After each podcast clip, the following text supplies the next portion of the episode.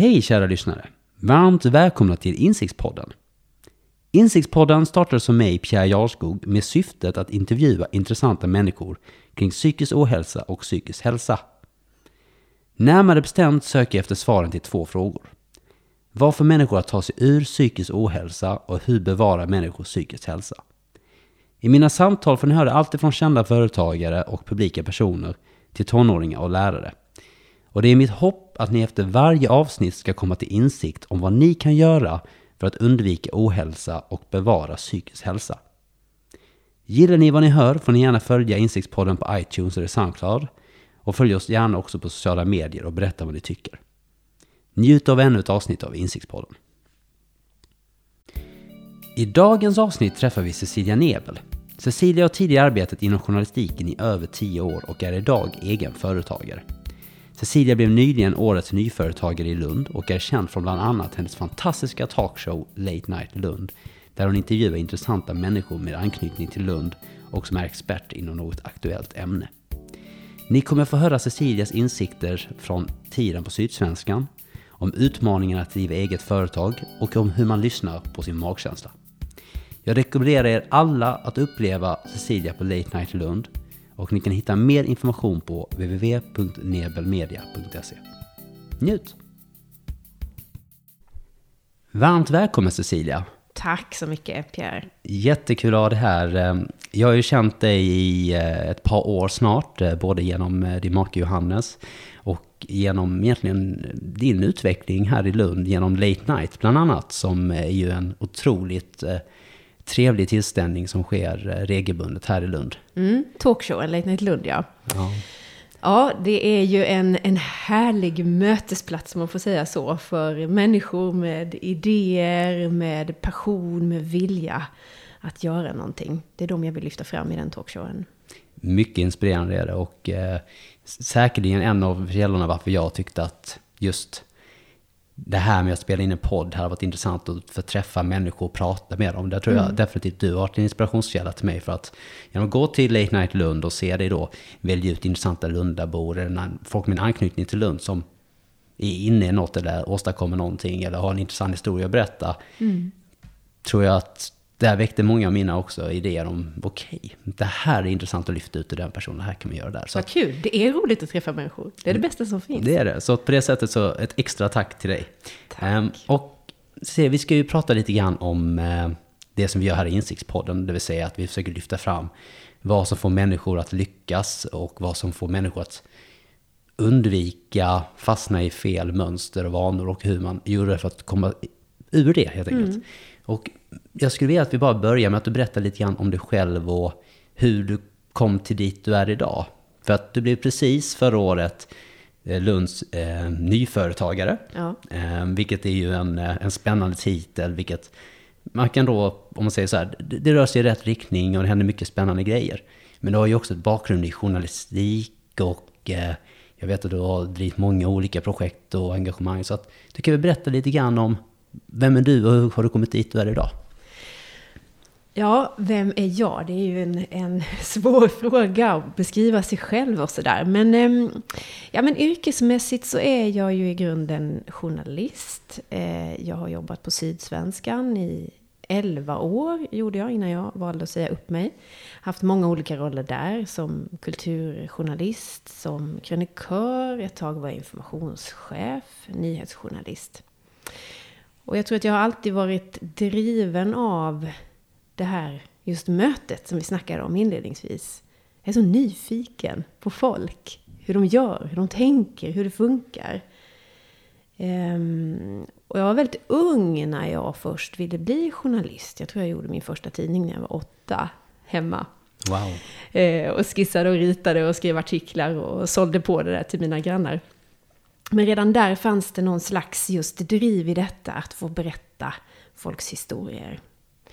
Um, sen tog det många år innan jag verkligen förverkligade den drömmen och blev nyhetsjournalist. Jag eh, höll på med många olika projekt. Jag är en lätt eh, entusiasmerad person, så jag går igång på grejer. Så att jag hamnade i massa olika projekt och jag startade någonting som hette eh, Stiftelsen Drivhuset i Malmö som handlar om att hjälpa studenter att utveckla affärsidéer och starta företag. Det gjorde jag ett tag. Eh, men sen kom jag till en punkt där jag kände att nej men, jag ville ju bli journalist. Jag ville ju jobba med innehåll. Jag ville få skriva, jag ville berätta. Så då sökte jag mig till Skurups journalistlinje.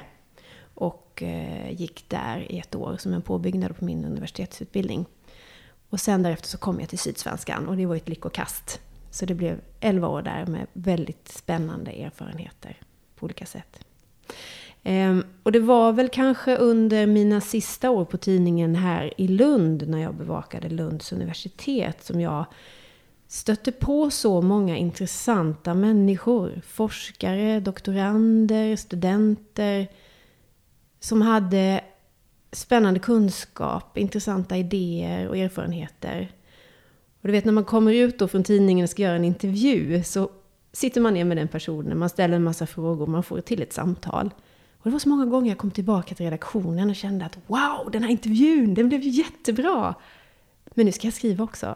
Och så blir det en, en, en, kort text och så får man bjuda på lite grann av allt det där som vi pratade om. Så någonstans där kände jag att ja, men det är nog egentligen samtalet som jag är mest road av själv. Um, och sen så fick jag idén om att, eh, och det var väl när Skavlan då var som allra störst på TV, att ja, men vi borde ju göra någonting liknande fast lokalt. Här finns ju alla de här människorna, entreprenörerna, företagsledarna, forskarna, kulturpersonligheterna, komikerna inte minst. Klart att vi skulle bygga en show kring det här. Så jag tog mod till mig och eh, gick till vår chefredaktör och presenterade den här idén. Eh, frågade om vi inte kunde göra det som ett test och att jag gärna skulle vilja vara Skavlan. Och hon sa ja till det. Och då blev jag ju livrädd. För jag tänkte, vad har jag nu, vad har jag nu gett mig in på? Men det var precis som att jag hade en sån stark eh, bara idé om att jag ville göra det här. Så att den där rädslan jag kände, den blev på något sätt underordnad. Att jag måste bara få testa det här. Och, ehm, och, du sa så många grejer som jag är intresserad av att följa upp. Men vi kan, vi kan backa några steg till att börja med. Alltifrån det här drivhuset och dylikt. Mm. Har du, till att börja med, har du alltid sedan du var väldigt ung varit väldigt eh, nyfiken då? För det låter som du måste vara väldigt nyfiken själv för att vilja sätta dig in och prata med människor och ställa rätt frågor. Det måste finnas en stor nyfikenhet där att få ut. Ja, jo mm. men så är det nog. Jag har, jag har en gammal dagbok som eh, jag tittade i, det var många år sedan nu, men som väldigt ung så höll jag på och startade upp projekt hela tiden. Och det var hemliga klubbar och det var tidningar och det var försäljning av allt möjligt. Och, eh, jag vet inte hur man ska beskriva det där riktigt. Jag bara tycker om att göra saker. Eh, följa med i den där positiva energin man får av att faktiskt bara få saker ur händerna och hitta på. Wow, och kan man säga att det, den entusiasmen av att starta och driva de här olika projekten, de har alltid varit större än då idén eller rädslan kring vad som skulle kunna gå fel. För att många hade ju tyckt att, åh herregud, om jag skriver något då kommer någon läsa det. Ja. Eller, om nu startar jag det här, och herregud, då kommer det ju innebära... Har, har du aldrig egentligen eh, gått och tänkt så mycket på de bitarna, utan du har alltid oh, fastnat vid drivet? Det har jag verkligen. Alltså, kalla det naivt, men, men jag menar, det där går ju hand i hand. Eh, en vilja att göra någonting, sätta igång en process och sen kommer ju alla de där tvivlen. Eh, så är det för mig alltid. Och så kommer man in i det där snurret, nej men inte ska väl jag och vad har jag nu dragit igång och hjälp, hur ska det här ordna sig? Men på något sätt så, så gör det ju ofta det. Allt blir kanske inte alltid en succé eller superbra. Men eh, ofta har vi landat på fötterna ändå tillräckligt ofta för att våga testa nästa grej i alla fall. Men, men jag ska verkligen inte säga att jag är en sån där person som inte eh, blir rädd eller eh, håller tillbaka eller så. För att eh, det finns också med hela tiden. Okej. Okay. För, för det tycker jag är ändå intressant så här. För att det innebär ju att när man är så entusiastisk som dig skulle man kunna säga då att du går runt och är rädd hela tiden. För du startar ju nya grejer hela tiden. Ja. Lite överdrivet sett såklart. Men hur har, hur har du hanterat då, kan man säga, de här tveksamma tankarna, de här eh, rädslan som då dyker upp när man startar ett nytt projekt? Har du, hur, vad, vad har din re relation varit till det? Alltså, För att många man känner kanske, de, de blir rädda för man ska inleda Ja. något nytt. Det kan vara ett förhållande eller ett företagsengagemang eller Mm. våga byta jobb eller vad det än kan vara. Och sen så fastnar man där i den rädslan och man tar aldrig riktigt det Mm. steget. Hur, hur, hur har du tagit hand om din rädsla som ändå gjort att du ändå faktiskt går från en, en tanke, en idé Mm. och sen faktiskt slutför det och ser vad som händer? Ja. Jag kan nog inte beskriva det på något annat sätt än att det blir som en sten i skon för mig. Eh, jag kan ha en idé om någonting som jag vill göra men så kanske jag inte riktigt vågar eller förutsättningarna är inte rätt. Eh, och så låter man det vila och vara och så kanske man bara tuggar på i det man är.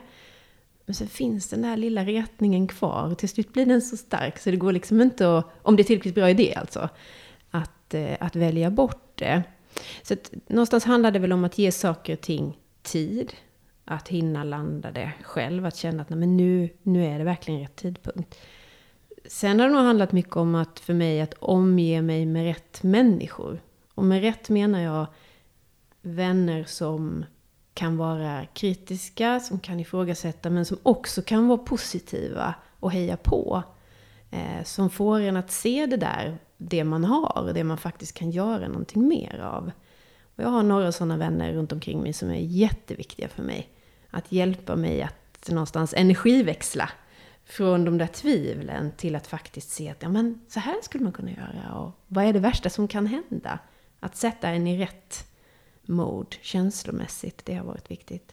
Och sen också att ha någonstans en, eh, en lite förlåtande attityd. Det är jag ju inte jättebra på, men jag tänker att det ändå är viktigt. Att ska man kasta sig ut och våga testa saker, då måste man också vara beredd på att ibland så lyfter det inte. Och då är inte det hela världen. Vad är det värsta som kan hända? Det är en ganska bra fråga att ha med sig tror jag.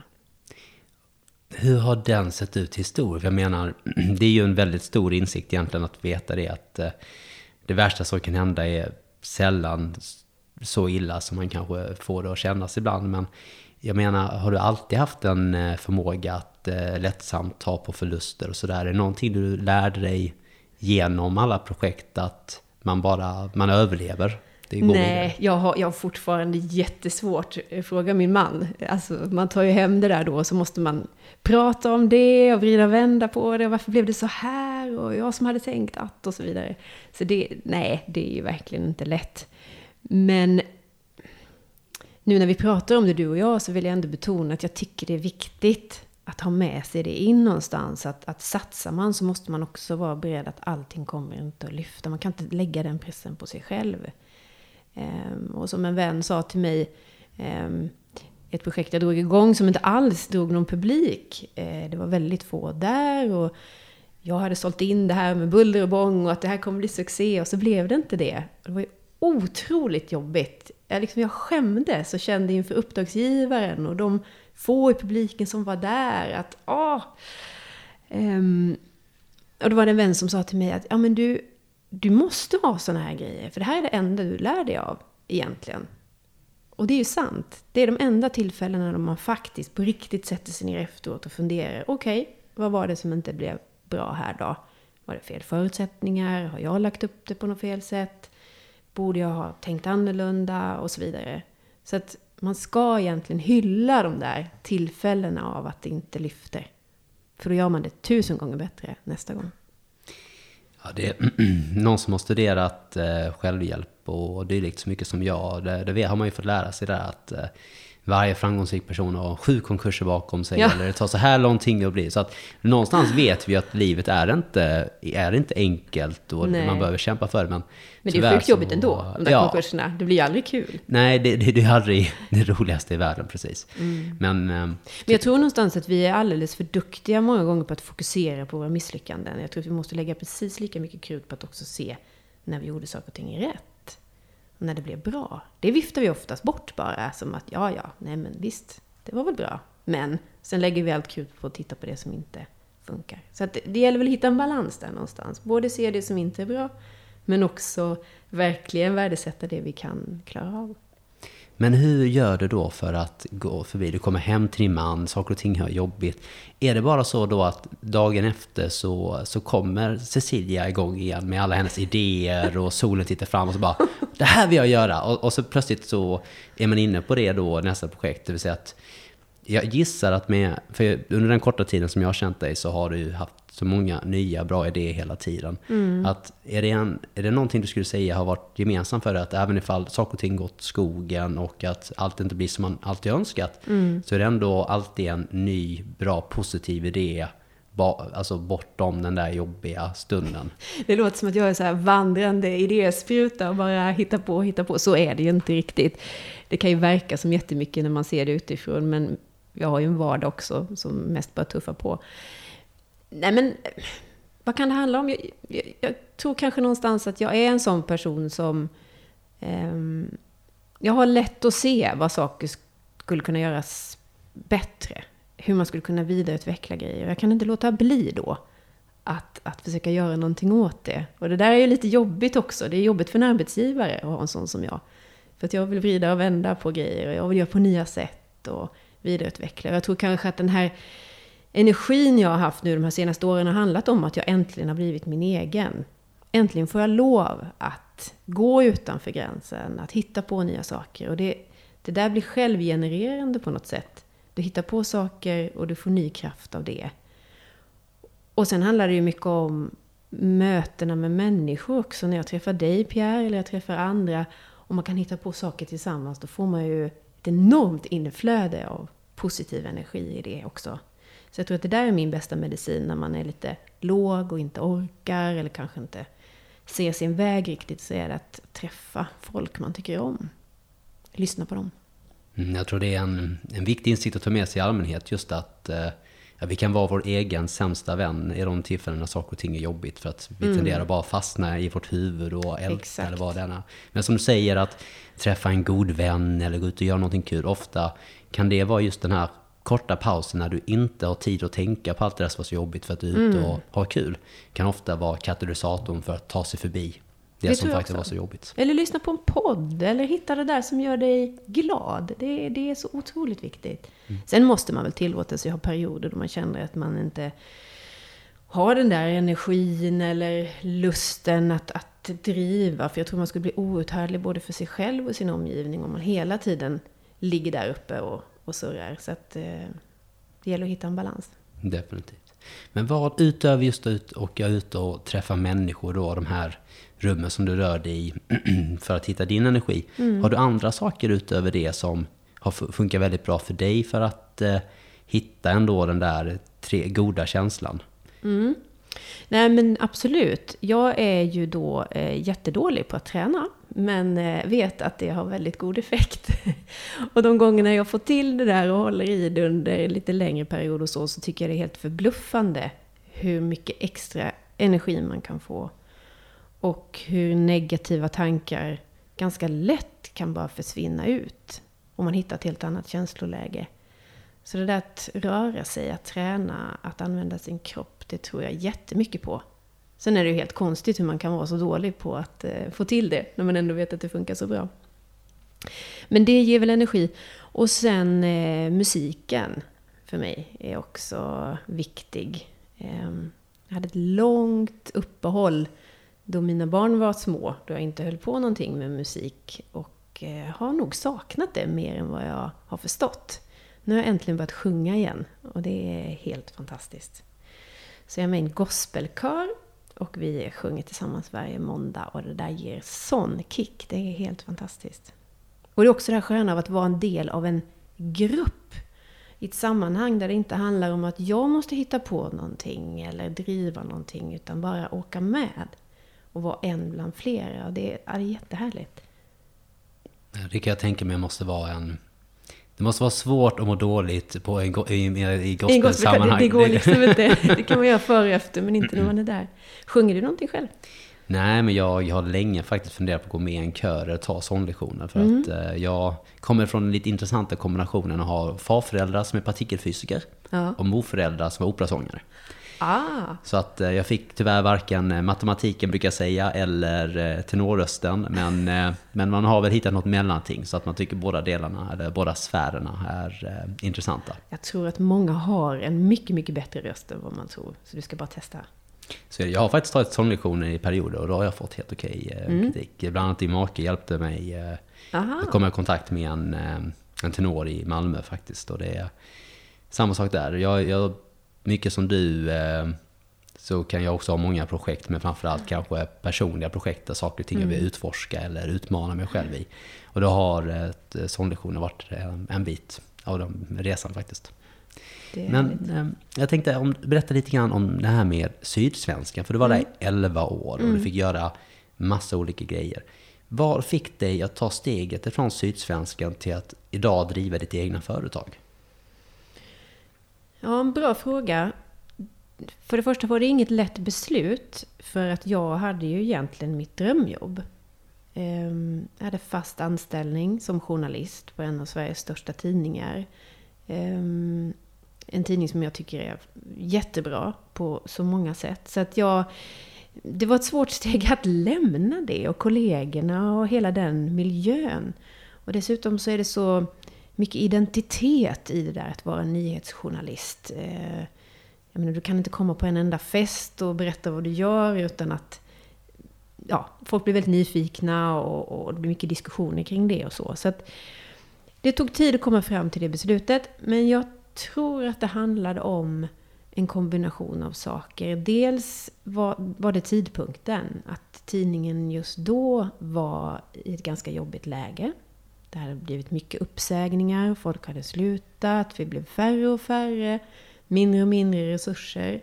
Ehm, och det var inte riktigt lika enkelt att kanske få göra de projekten som jag funderade på och, drömde om. Och det insåg jag också, att, att finns inte pengarna så finns inte pengarna. Ehm, jag kände nog också att jag kanske inte var bäst lämpad egentligen att jobba som nyhetsjournalist. Det var ett tempo som jag inte riktigt mådde bra av. Ehm, med deadlines varje dag och eh, det i kombination med att vi blev färre som skulle göra mycket, mycket mer på kortare tid gjorde att jag med den ambition jag har med mig in hamnade i ett läge där det blev väldigt mycket stress. Och jag mådde inte riktigt bra av det. I kombination med små barn hemma också som tog mycket kraft och sådär. Så att jag var nog tvungen att ändra på min situation på något sätt. Och sen då med Late Night Lund, den här talkshow-idén som faktiskt blev lyckad och där tidningen ville fortsätta och där jag kände att men jag vill göra mer av det här. Det är det jag gillar allra mest. Tänk om tidningen kanske kunde köpa det här av mig istället och sen kan jag utveckla andra liknande projekt som påminner om Late Night Lund fast på andra sätt. Och det var väl då när jag såg att här finns en konkret idé, här finns en liten språngbräda ut och det finns en tidpunkt som faktiskt är ganska rätt just nu och mina barn hade blivit lite större också och behövde inte riktigt lika mycket minutpassning hela tiden. Um, och när jag väl hade börjat tänka den tanken så var det som det där sten i skon. Det slutade liksom inte, jag fick inte ro någonstans. Och till slut blev den viljan så stark så att jag eh, bara bestämde mig för att jag måste få testa. Väldigt coolt. Och jag vill titta på den där sten i skon. Har alla dina så här riktigt bra beslut kommit från lite grann den typen av käns- eh, känsla av att du kan inte riktigt släppa det? Magkänsla, Ja, tänker du? för det, det, det är nästan du pratar om, den här med skador. Det vill Ja. säga att någonting säger att det här, det här är rätt.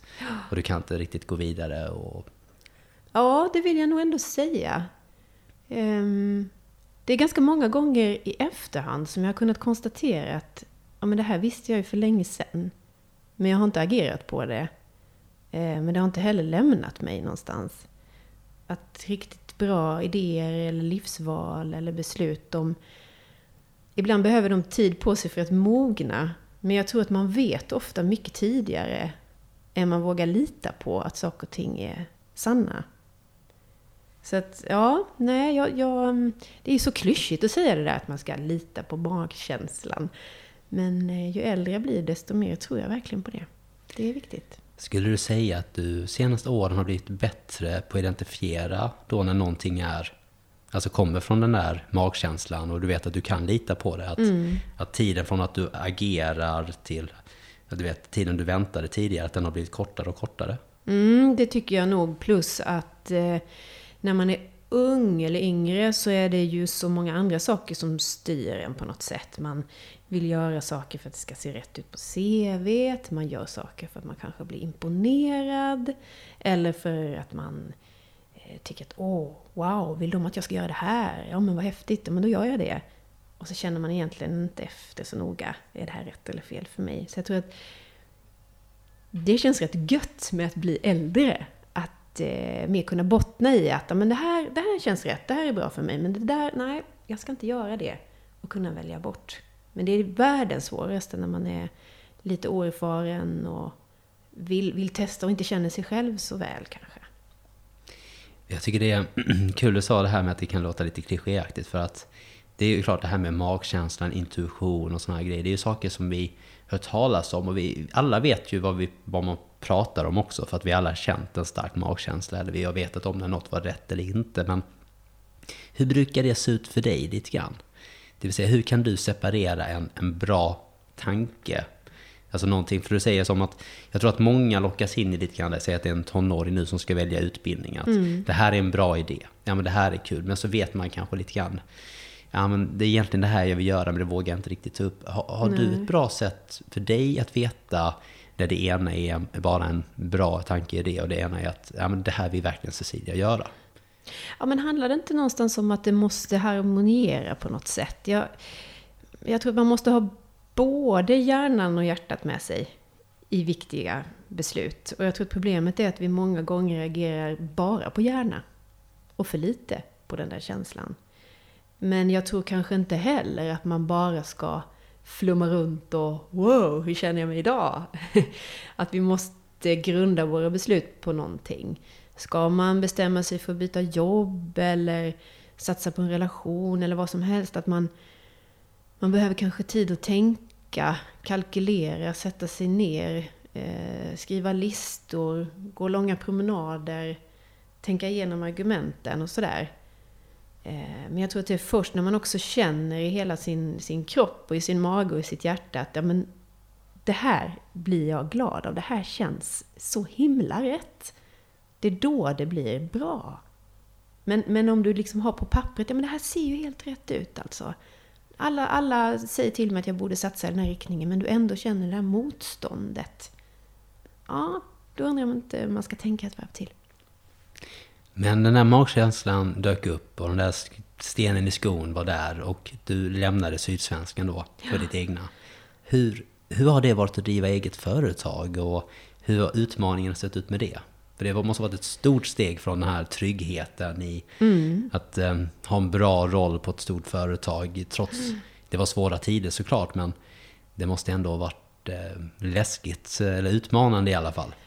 Ja, det var det ju. Eh, och jag var dessutom i ett ganska utmattat läge. Då jag bestämde mig för att starta eget. Eh, jag vet att jag gick till läkare för att jag var så genomtrött. Så tänkte jag måste bara kolla mina värden så det inte är något allvarligt. Liksom. Och då sa den där läkaren till mig att ja, men, eh, du borde nog fundera på att kanske vara sjukskriven ett tag. Och så sa jag, sjukskriven? Nej, jag ska starta eget. Ehm, och då himlade han med ögonen och kunde liksom inte göra så mycket annat. Ehm, jag ville absolut inte vara sjukskriven. Däremot ville jag hitta en annan tillvaro. Jag ville hitta ett, ett liv, ett arbetsliv som funkar ihop med mitt övriga liv. Och där jag kan få utlopp för min energi, men ändå eh, återhämta mig och vila när jag behöver göra det. Så det var liksom mitt, min målsättning när jag precis startade. Att hitta den här balansen på ett nytt sätt. Så att jag ganska medvetet eh, drog inte igång på alla eh, nivåer samtidigt. Utan jag fokuserade på Late Night Lund, jag ville få det på banan. Jag eh, såg till att flytta in på ett kontor med människor som jag tyckte om ganska snabbt. Så att man omger sig av den här sköna energin och bra miljön. Eh, och ganska så snart så kände jag hur jag fick kraft tillbaka. Och den här frihetskänslan och eh, glädjen i att få, få skapa själv. Och att folk verkade gilla det jag gör. Eh, att det gick att göra affärer, att det gick att få in uppdrag. Så sen har jag byggt successivt därifrån. Och det har handlat mycket om att ehm, jobba vidare med det journalistiska samtalet. Att hitta på bra nya koncept men också ta uppdrag för andra företag som behöver min hjälp som moderator eller som samtalsledare och sådär. Och jag är jättetacksam, det har gått bra. Jag har ett jättefint flöde in av, av projekt och så. Nu är min utmaning återigen lite grann det här med att när man slår i taket och man känner att men jag hinner inte mer än jag hinner. Hur ska jag nu... Hur gick det med de där första tankarna om att hitta balansen och hitta livet där allting funkar och så. Så att det där är nog en ständig utmaning tror jag, som man får jobba med. Men, men eh, om jag ska liksom summera livet som företagare så känner jag att det är väldigt rätt för mig och för den person jag är. Och att man kan få växla upp, men man kan också få pausa eh, och vara lite friare i hur man lägger upp sin dag. Det är härligt. Jag tycker det är intressant och om vi kollar tillbaka till det där läkarbesöket då kan man säga. Och de faktiskt konstaterar att, för jag gissar då att vad han menar med att du borde sjukskriva det är kanske att du, du var trött för det var för mycket just nu och det måste vara, det måste vara en mental aspekt snarare ja. än en fysisk va? Nej, men jag hade varit under sån press så väldigt, väldigt länge arbetsmässigt så att jag var helt slut egentligen. Ja, och du tar det, liksom, du, du tar det från ett läge då det har varit mycket press, det har varit mycket, mycket upp i ditt huvud förmodligen, om tankar om livet och saker och ting. Och så gör du det som de flesta är livrädda för ens överväger, det vill säga mm. hoppa det skeppet då som de ändå vet vad de får, hur det är, mm. även om det är stressande. Och på det, på det sättet lagar, kan man säga, den här jobbiga känslan mm. själv och hittar tillbaka till välmåendet och mm. den sida som du känner genom att ta den där, lita på den där magkänslan mm. och lyssna på den där skon i stenen. Mm. Och genom det hittar, hittar välmående, låter mm. det som att du gjorde. Ja, jag är väldigt stolt över det faktiskt. För att det... Ja, jag, jag visste nog bara någonstans att jag... Det här ville jag så oerhört gärna. Jag tror inte att jag... Jag tvivlade egentligen inte på min egen förmåga. Men jag kände att jag hade hamnat lite snett. Jag hade hamnat på en plats där, som inte riktigt passade mig. Och jag behövde ta ansvar för att ändra det. Och jag menar, jag kan bara tala för mig själv. Det kanske inte passar alla att göra på det sättet. Men ibland kanske vi bara ger upp. Istället för att se vad kan jag själv göra för att ändra min situation. Ibland behöver vi bara vila om vi går i väggen eller det blir för mycket. För att man överhuvudtaget ska hinna tänka eller hitta det där nya man vill göra. Men jag tror att man många gånger kan komma vidare på ett bättre sätt om man vågar följa sin egen övertygelse mer än att ta en paus, stänga av allt och sen går man tillbaka till allt som det var. Vad blir ändrat då egentligen? Eh, men visst, man kan ju fundera på hur... Nu har det ju gått, gått bra, tack och lov, men det, det är möjligt att det inte hade gjort det. Liksom. Och, eh, då kanske jag hade suttit här och värderat det där beslutet på ett helt annat sätt. Kanske, men om du skulle säga någonting till kanske de lyssnarna som alltid då funderar på att starta det egna företaget, oavsett om det är att bli konstnär eller skriva den där boken eller då att i alla fall lita på den där magkänslan de har haft. Vad, vad, skulle du, vad skulle du ge dem för råd? Vad skulle mm. de börja med? Mm. Alltså jag tänker väl spontant att idag kan man ju göra på så många olika sätt. Man måste ju inte alltid välja antingen eller. Man kanske kan börja med att skruva ner lite grann på det där andra dagliga jobbet man har. Gå ner lite i tid. Testa sin idé, börja göra lite mer av det. Eh, se hur det känns, om det bär, om det här är, är rätt grej. Eh, jag tror mycket på att snacka med folk i ens omgivning. Eh, testa av sina tankar och idéer. Men inte lyssna så mycket på andra så att man blir styrd, utan man måste själv ha liksom riktningen så. Men ändå eh, ta lite hjälp utifrån. Eh, våga uttala för sig själv att det här är möjligt. Ofta tror jag idéer stannar vid en tanke och sen avfärdar vi det jättesnabbt. Men att våga verkligen eh, eh, bli konkret. Ja, men vad är det du skulle vilja göra då? Hur skulle det kunna se ut? Gör den där skissen. Mappa upp ditt imperium, som jag och min vän brukar skratta om att vi gör lite då och då. Eh, beskriv dina idéer och, och eh, försök hitta en väg i det. Um, Ja, jag vet inte om det var svar på frågan Pierre. Jo, men det var, det var jättebra. Kan, du- kan du berätta lite mer om just den processen när du beskriver dina idéer och vad... Eh, för det låter som en hjälpsam sak kanske för folk att se efter. Vissa har ju en tacksamhetslista. Du kanske då beskriver dina idéer. Har du, har du ett system, ett sätt att få, få ner dem på papper eller dylikt? Ja, men jag har en intressant eh, erfarenhet där. För över 20 år sedan så fick jag ett brev från en eh, kvinna som jag inte alls visste vem hon var. Och hon hade läst om mig i tidningen, det var när jag höll på med det här med stiftelsen Drivhuset och hjälpa studenter att starta företag. Hon var själv entreprenör, ganska ung och eh, ville starta ett nätverk för folk som hade mycket idéer och ville göra saker. Hon ville bara samla dem under samma tak och se hur vi kunde peppa och hjälpa varandra. Och det där blev starten på ett litet nätverk för en 10-15 tjejer och vi har, eh, nu har vi inte sett de senaste två, tre åren av olika anledningar, men vi höll igång det där i 20 år ungefär. Eh, och vi brukade ses sådär en gång i kvartalet ungefär och blev jätteduktiga på att visualisera våra mål och våra drömmar. Och hela poängen med den här mötesplatsen och de, att vi eh, träffades regelbundet, det var att vi ville lyfta varandra in i bästa möjliga framtid. För vi tyckte att vi, var, vi är alldeles för dåliga på att ge varandra den pushen. Vi blir så blyga när vi ska berätta om våra drömmar och det vi skulle vilja göra. Ehm, men i, i den här gruppen så var det helt okej att tänka stort och visionärt. Och vi brukade då ses en gång om året i augusti och då jobbade vi med målbilden för det kommande året. Och så brukade vi göra allt från bildkollage till att vi skrev små berättelser och läste upp för varandra. Och sen så kom vi med små inspel och instick i det där och försökte ja, lyfta varandra och peppa varandra att våga ta de där stegen. Wow, vad coolt. Ja, det var riktigt häftigt faktiskt. Och en jättestor hjälp i att just öva sig i det här att våga tänka stort. Och våga sätta dig själv i, en, i den bästa framtiden någonstans. Så ett, ett bra tips, och jag delar absolut det, men vad jag hör lite grann, det är att om du som lyssnare har en, en liten galen kompis precis som du, som, eh, som är duktig på att bara lyfta upp dig och du är duktig på att lyfta upp henne eller honom. Börja kanske där. Använd det. Det är en enorm kraft och det är så kul också.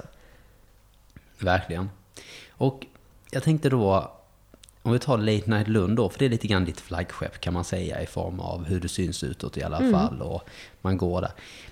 Du är ju, jag, jag intervjuar ju dig idag. Ja, det känns du, väldigt ovant. Ja, exakt. Men, för du är ju faktiskt experten på det. Och jag tror att många som kommer, eller min upplevelse i alla fall när jag pratar med folk som är på dina late night och intervjuer, tycker att du är otroligt duktig på att ställa bra frågor och sätta dig in i de här människorna och framförallt välja, eh, välja personer att intervjua. Vad är, din, vad är din bild av, eller din idé kring just det? Och hur, hur kommer det sig att du är så duktig på det? Hur man får till den där setupen. Mm. Ja, för att, hur? Ja, nej men... ehm, jag tror att mycket handlar om att på riktigt vara intresserad. Mm. Att vara nyfiken och att ha större öron. Och att verkligen lyssna på vad folk säger. Det tror jag är en nyckel till mycket. Alla gillar att bli lyssnade på.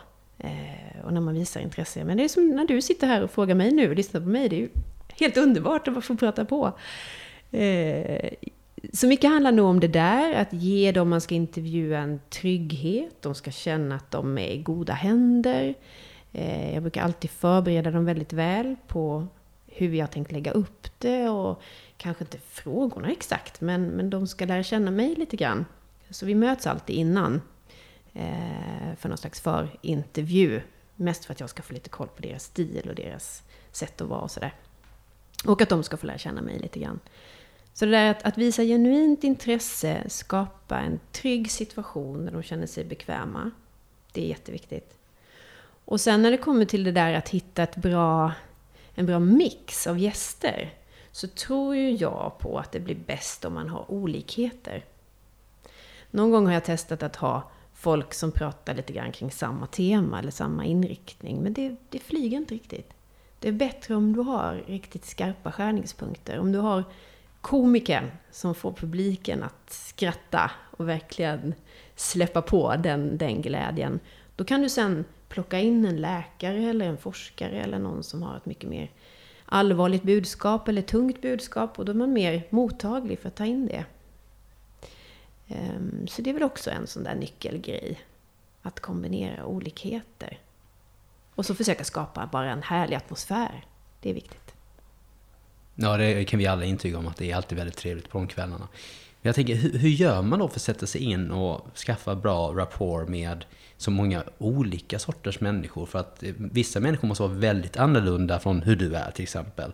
Jag menar, i och med att man träffar både forskare till komiker som du säger. Det, det är väldigt annorlunda människor och kanske vilka rum som de är bekväma i normalt sett. Mm. Hur, hur, hur, skapar man en bekväm miljö där? Är det mycket just som du säger, just att du träffar dem innan så att ni två är bekväma med varandra och mycket går automatiskt därifrån? Eller har du några bra tips för människor just som för det jag lyssnade lite grann efter det var de som kanske inte alltid tycker det är så bekvämt eller inte vet hur de ska föra sig med vissa människor. Mm. Hur de kan kanske lära sig lite grann från vad du har lärt dig inom journalistiken. Men det är väl så att vi journalister, vi har ju övat oss hela vårt yrkesliv på att ställa frågor och att, och att få folk att öppna sig. Och det handlar väl många gånger om att vara påläst. Eh, du vet själv hur det är om det är någon som ska intervjua dig och den personen inte har någon aning om vem du är eller ens har brytt sig om att ta reda på din bakgrund eller sådär. Då kan man ju hamna väldigt snett med varandra, tänker jag. Så att det där att visa genuint intresse handlar ju också om att vara väl förberedd. Att eh, ha en bra agenda, bra frågor som den motparten, den du ska intervjua, känner att ah, wow, hon har koll på det där, schysst. Då, då händer det någonting positivt i det mötet. Um, vad kan man mer säga om det där att skapa bekvämlighet i ett samtal? Ja, att luta sig tillbaka kanske. Att inte ta all plats själv. Att inse, och det, det där försöker jag ofta tänka innan vi ska ha de där kvällarna. För det, det är ändå lite nervöst och det är mycket folk och man vill att det ska bli bra och sådär. Att, men det är inte jag som är mittpunkten. Det är gästen. Jag sitter här som en kanal mellan gästen och publiken. Och blir det som, som jag har önskat och som jag vill, då, då kommer liksom budskapet från den personen att nå ut till publiken. Jag är bara länken däremellan. Och det är ganska skönt. Då minskar också pressen lite grann. Ja, men jag... Jättebra idéer, absolut. Det finns ett till område som jag skulle säga att du är rätt framgångsrik på utan att veta alldeles för mycket om det. Men jag har haft förmånen av att vara hemma hos dig och Johannes och äta en fantastiskt god middag. Och då, ja, det är nog inte matlagning du kommer till nu, för det är verkligen inte min Nej, det, var, det är inte matlagning. Du, du var tyvärr inte där. Men eh, det fanns två stycken däremot väldigt trevliga barn som var enormt väluppfostrade. Och det, det togs jag av ändå hur närvarande och, och, verkligen vilket trevligt miljö de gjorde för mig när jag var där. Åh, vad fint att höra. Jag är glad. Och, så jag tänkte, med allt du har lärt dig från alla de här yrkesmässiga åren och mm. den här passionen du har för att skapa de här rummen och annat. Hur har det hjälpt i föräldraskap? För det måste ju vara en väldigt intressant grej att kunna locka fram de här bitarna i sina barn också. Att följa sina mm. hjärtan och sina idéer. Och, har, har, du några bra insikter där från hur det har varit som förälder? För det brukar ju vara en, en, stor utmaning har jag förstått det. Det är ju det verkligen och man lär ju sig ändå någonstans att i slutändan så är det ens barn som kommer lära en själv nya insikter och sådär, än tvärtom. Men det är klart att man har ett, ett inflytande över dem när de är små och sådär. Um, nej men de är, de är två små fantastiska människor som är ganska olika som personer, eh, men som har starka personligheter båda två. Och jag vill ju hoppas och tro att jag är en okej okay förebild för dem genom att jag gör saker och tar egna initiativ och sådär. Men jag tror också många gånger kanske att de, eh, de ser baksidan av det där också. Att man många gånger hamnar kanske i, i stressade lägen eller lite orossnurr kring ekonomi och hur ska det gå nu och sådär. Men jag försöker tänka då att jag vill, jag vill liksom vara en trygg punkt för dem ändå och visa dem att vi klarar av mycket mer än vad vi tror. Ehm, så det försöker jag ingjuta i dem ofta. Och sen det här som du och jag har snackat så mycket om, att våga lita på det man känner. Det är okej. Okay. Man får känna. Det är viktigt. Mycket viktigt. Ja, jag eh, har inte jättemycket fler frågor egentligen. Jag tycker du har gett oss en väldigt bra bild. Det är alltifrån hur man kan starta eget och hur man ska lyssna. Och eh, hur dina insikter inom journalistiken har hjälpt dig att eh, ta dig igenom alla de här bitarna. Men också hur man ska lita på sina idéer och sina tankar och när man kanske ska veta när man ska ta det lite lugnare. Mm. Men jag tänkte lite grann om du hade några så här avslutande ord till de som lyssnar. Mm. Jag har inte riktigt tänkt igenom det, om jag ska vara ärlig. Um...